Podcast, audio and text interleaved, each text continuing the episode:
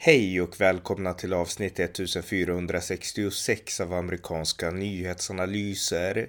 En konservativ podcast med mig, Ronny Berggren, som kan stödjas på swishnummer 070-30 28 95 0. I detta avsnitt följer ett samtal med Asienexperten Jojo Olsson om det komplicerade förhållandet mellan Ryssland och Kina som just nu kan skådas i Kazakstan. Varmt välkomna! Jojo Olsson, välkommen! Tack så mycket! Vi ska prata lite grann idag om det komplicerade förhållandet mellan Kina och Ryssland och just nu så kan man se det utspelas i Kazakstan, det här landet i Centralasien. Och det har ju pågått protester där under väldigt lång tid. Vi har sett det på nyheterna här i Sverige. Kan du berätta lite grann om, ja, om det som har hänt i, i Kazakstan som har gjort att det blivit så stort nyhetsvärde? Ja, med en brasklapp för att kazakisk politik inte är min specialitet så har jag givetvis eh, följt eh, utvecklingen där någorlunda då eftersom Kazakstan är så pass viktigt land för kinesisk geopolitik. Och eh, vad som skedde då i början av, av januari var ju att det ganska plötsligt faktiskt blev stora protester i framförallt huvudstaden då men många andra platser i Kazakstan också. Och de här protesterna var ju väldigt våldsamma och ledde till eh, eh ja, men någonstans mellan omkring 250-260 döda, en siffra som jag har hört, men det är givetvis eh, svårt att veta i och med att eh, ja, men transparens är väl kanske inte riktigt vad som kännetecknar Kazakstans eh, politiska ledning. Eh, och eh, sen tog det bara fyra dagar, har jag för mig att det var. Eh, ett fåtal dagar i alla fall då, innan Kazakstans president eh, ja, begärde hjälp från en eh, säkerhetsallians eller en säkerhetspakt som man har då tillsammans med ett par andra gamla Sovjetrepubliker och Ryssland och det innebar då att ryska styrkor Eh, Eh, kom in och så att säga återställde ordningen eh, ganska, ganska snabbt. Eller de hjälpte till att återställa ordningen så att presidenten då kunde behålla makten utan att, eh, ja, utan att det blev någon större proteströrelse och till och med då revolution som eh, eh, presidenten säkert hade anledning att frukta och när den här ordningen var återställd så återvände ryska styrkor hem igen. Och eh, sen har givetvis då tusentals eller möjligen tiotusentals eh, kazaker arresterats efter det också. Mm. Eh, Kazakstan är ett väldigt stort land. Eh, geografiskt så tror jag att det är det nionde största landet i världen och de har bara, med tanke på sin yta, bara 18 miljoner invånare. Så att det är väldigt liksom glesbefolkat land också. Men det här landet det ligger i alla fall på gränsen till Kina. Och eh, det här är ju alltså en konflikt, eller vad man nu ska beskriva som ett tumult i ett land som ligger direkt i Kinas närregion. Region. Hur, hur ser Kina på det här som hänt i, och händer i Kazakstan? Först för att flika in här då, så, eh, eh som, som ja, eh, delvis svar på förra frågan, så den här eh, konflikten, de här protesterna som började i Kazakstan, då, det är inte helt säkert att det bara beror på bensinpriser utan det kan ju ligga en maktkamp i bakgrunden mellan den nuvarande presidenten Tokajev och den tidigare presidenten Nazarbayev som, som har styrt landet då i nästan tre årtionden innan han för ett par år sedan lämnade över makten till, eh, till eh, Tokajev. Och eh, just det här att det kanske inte bara är eh, missnöje med bensinpriset utan även då en politisk konflikt i bakgrunden gör ju givetvis eh, kinesiska myndigheter ännu mer oroade över utvecklingen där så att säga. Då. Eh, Kazakstan som sagt, eh, väldigt viktigt land. Jag tror många svenskar inte förstår riktigt på grund av ja, men, avståndet och, och, och så vidare. Att eh, Kazakstan är ett väldigt stort land, precis som du sa så tillhör världens tio största länder. Det fjärde största i Asien och har en yta som är större än, än Grönland då, bara för att sätta det lite i perspektiv. Och eh, geopolitiskt så ligger det väldigt viktigt för Kina eh, i sin eh, geografiska position här. Att, eh, eh det var här som eh, Xi Jinping 2013, Kinas president, eh, ja, men offentliggjorde så att säga de internationella de globala eh, delarna, aspekterna av sitt, eh, sitt eh, prestigeprojekt med de nya sidenvägarna.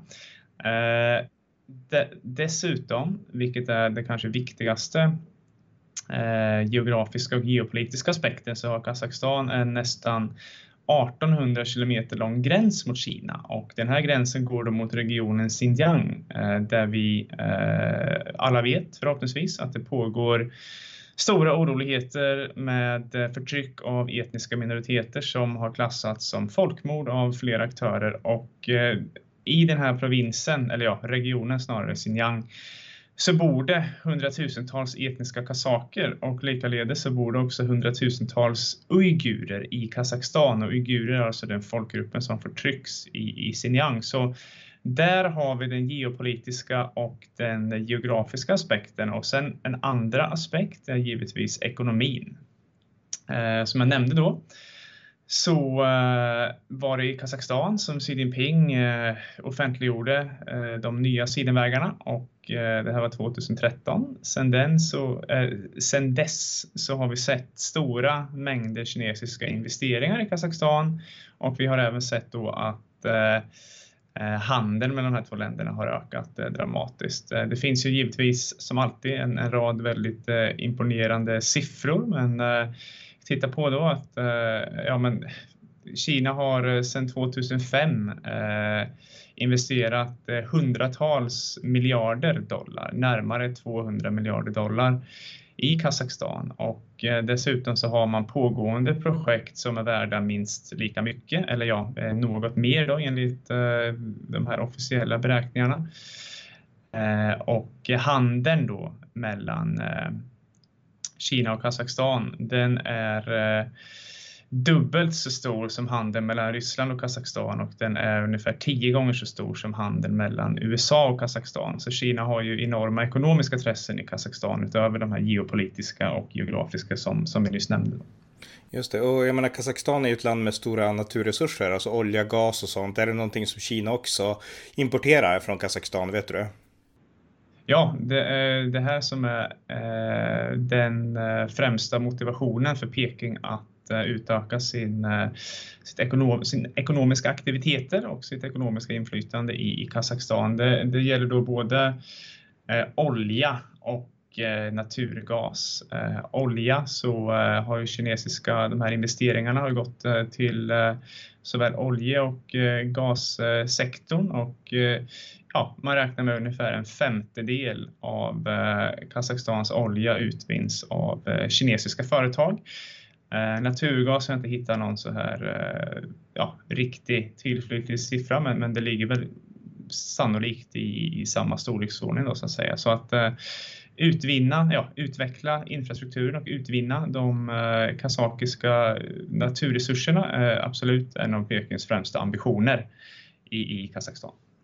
Kina har ju haft en slags policy om att man inte ska lägga sig i andra länders politik och eh, det är kanske enklare att låta bli det när länderna ligger långt borta.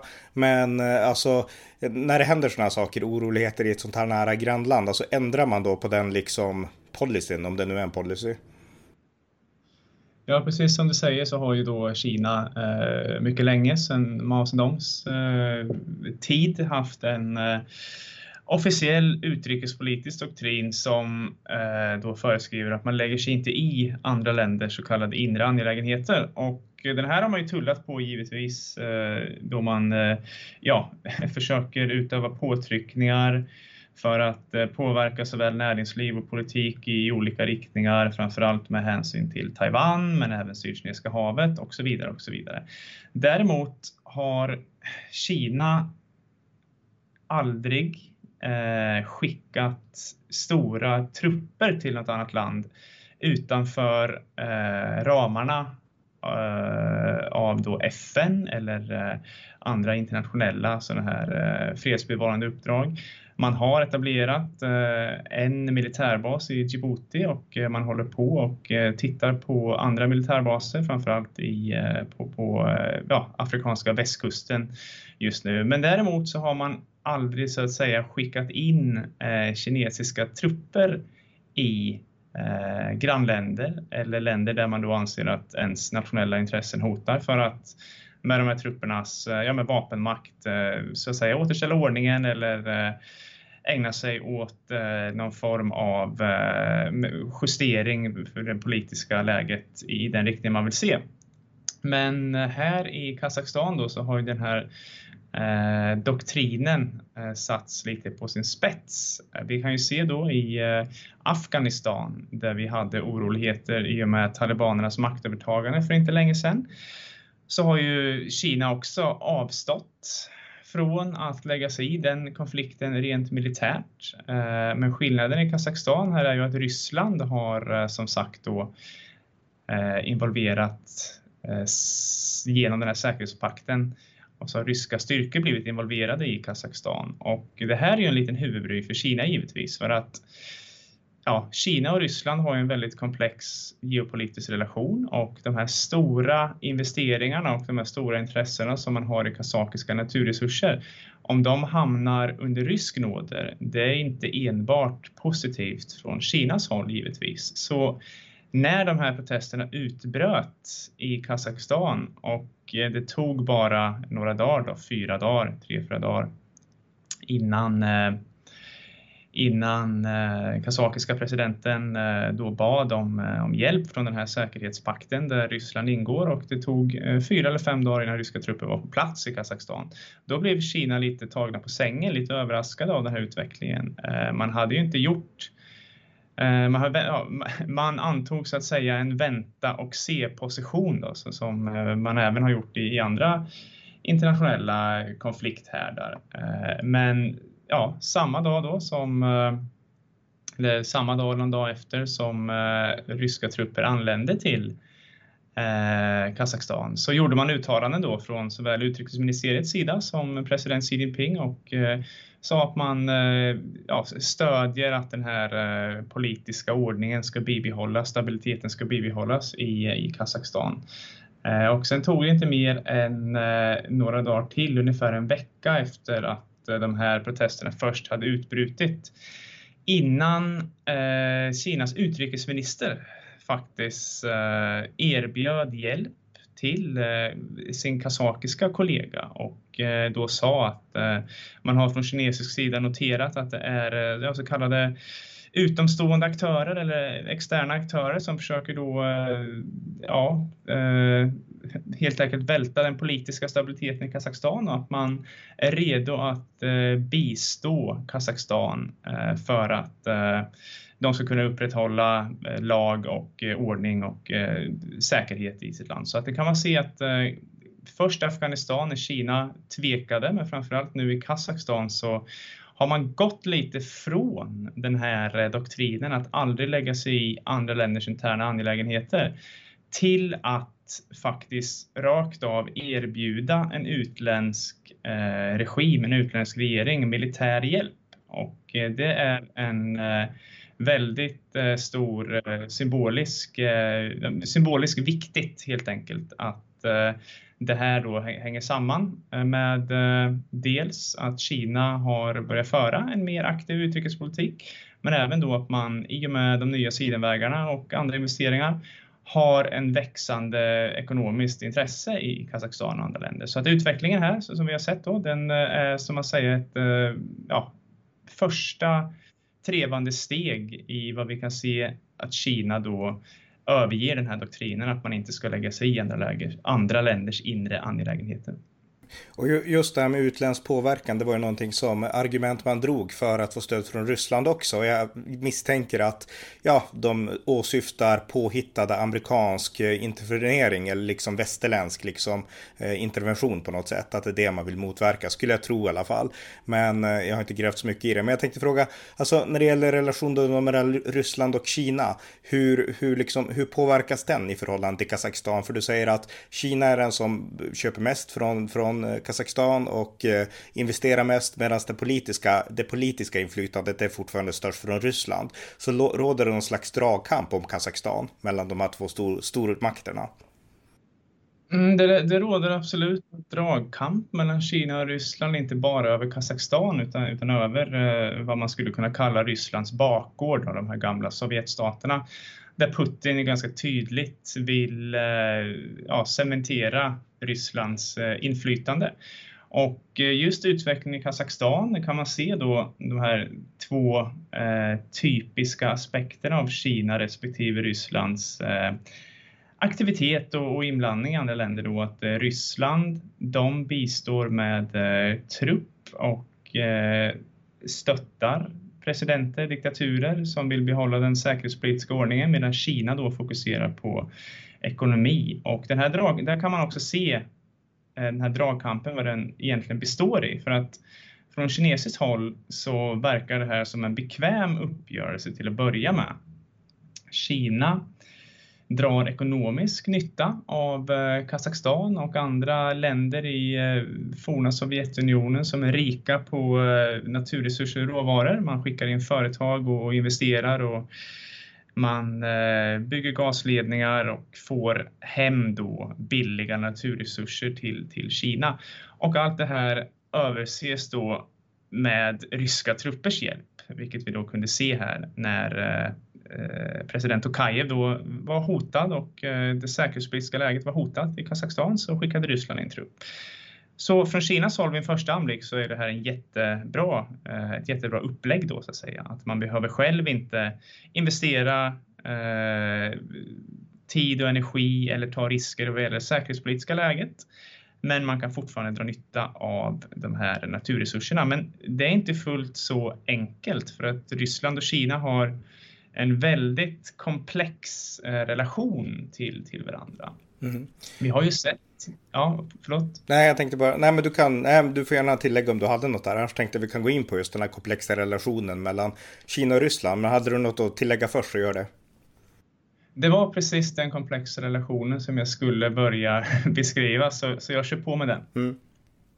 Ja men gör det. Mm. Eh, Ja, vi har ju sett att Kina och Ryssland har ju närmat sig varandra eh, betydligt de senaste åren. Vi har sett att eh, ja, allt fler militärövningar har förts, eh, gemensamma militärövningar mellan de här två länderna. Eh, handeln har ökat, framförallt den ryska gasexporten då till, till Kina har kommit igång eh, ordentligt. Det finns väldigt, väldigt stora avtal som har eh, undertecknats på den fronten.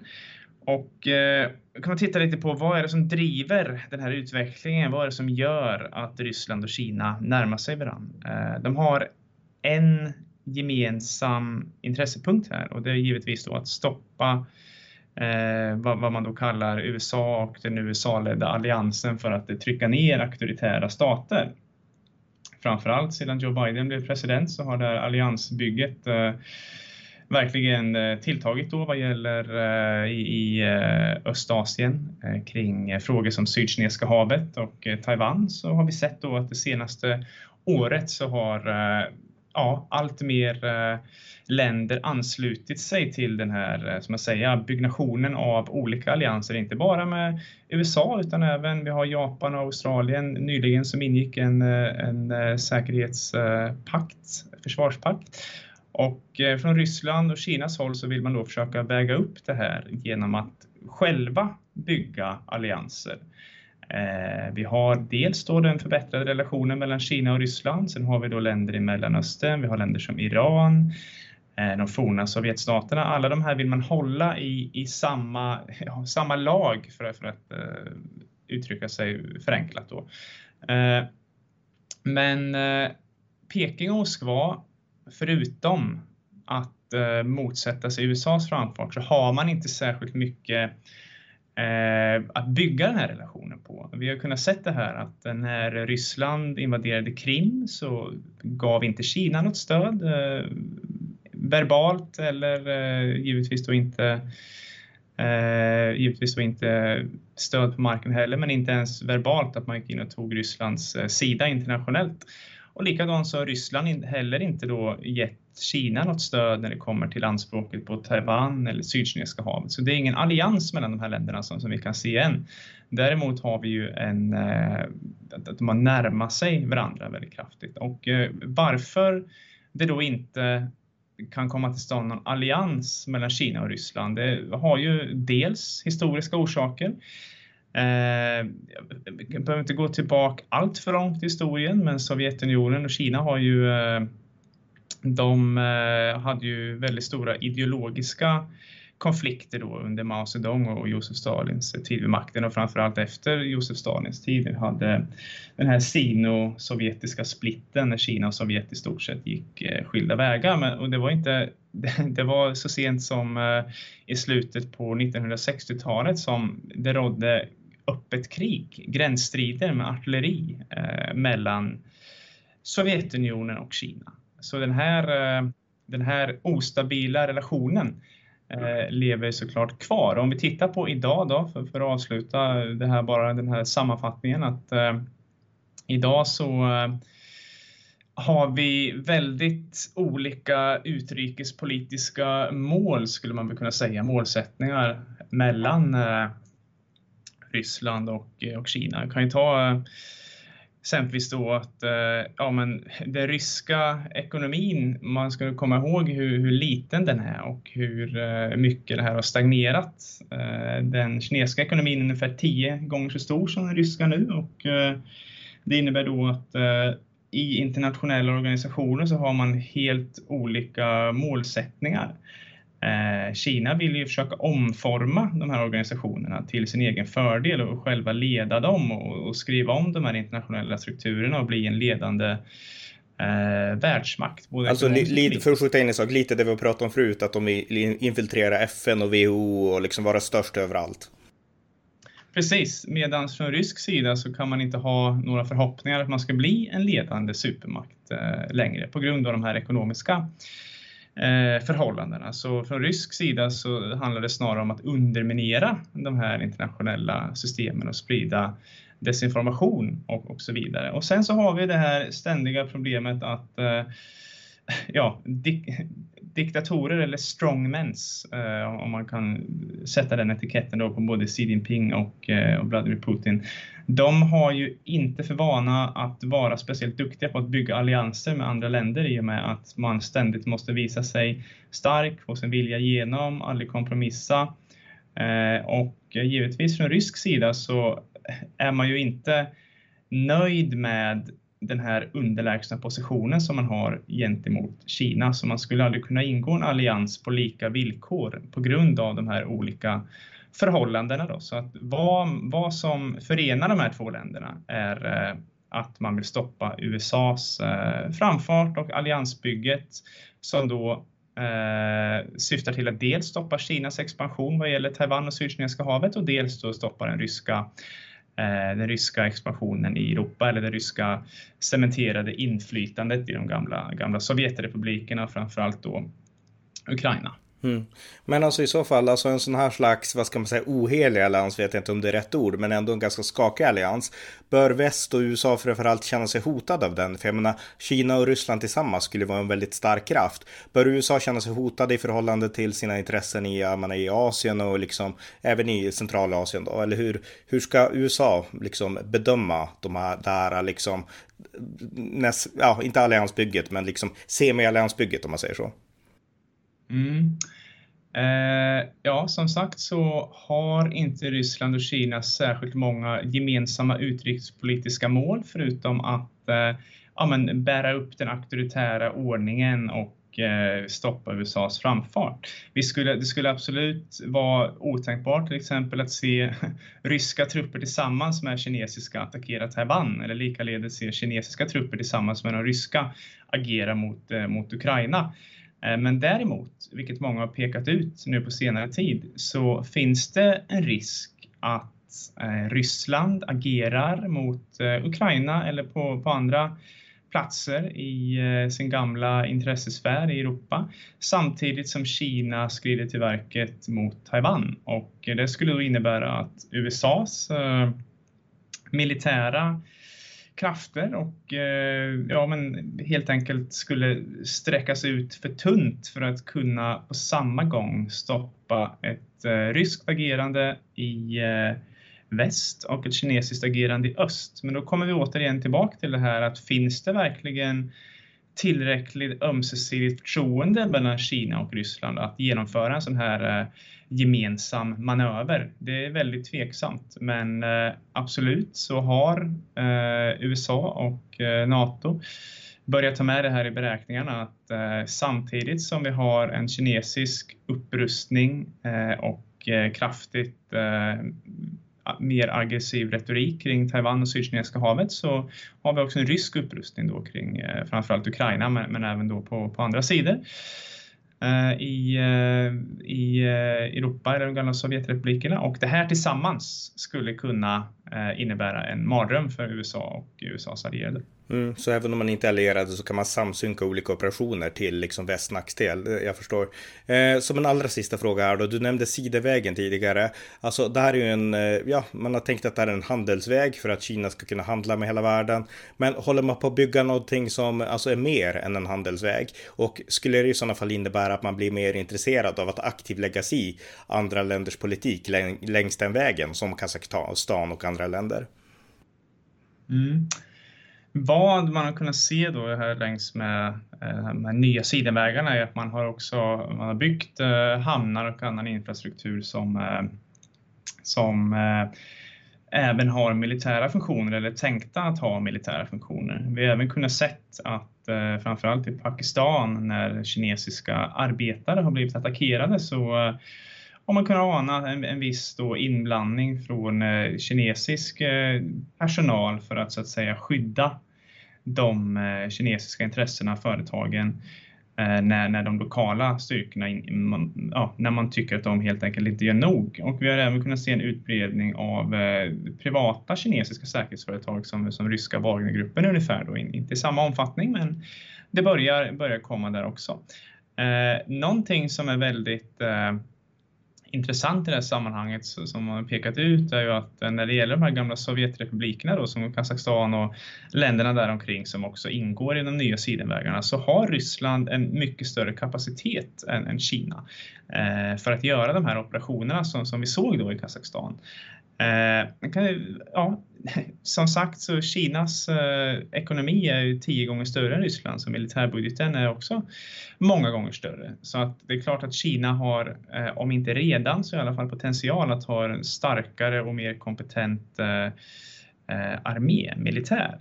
Men vad Ryssland har eh, när det kommer till Kazakstan, det är förmågan att med bara någon dag eller några timmars eh, förbehållning skicka in ett regement med fallskärmssoldater som har erfarenhet av den här regionen och som dessutom pratar det lokala språket och som verkligen vet vad de gör och som eh, ja, invånarna i de här länderna kan identifiera sig med och kommunicera med. Så att Ryssland har en mycket större som man säga, potential, möjlighet att agera i det här området, vilket också är någonting som Kina måste ta med i, eh, i beräkningarna. Då. Och eh, det här kommer vi nog se att det har varit mycket prat om eh, att Kina och Ryssland, som här, det här närmandet som vi ser då, den här eh, ja, semi-alliansbygget som du, som du uttryckte det, att det är en stor utmaning vad som ska ske då på Sovjets, eller ja, gamla Sovjetstaterna, Rysslands bakgård,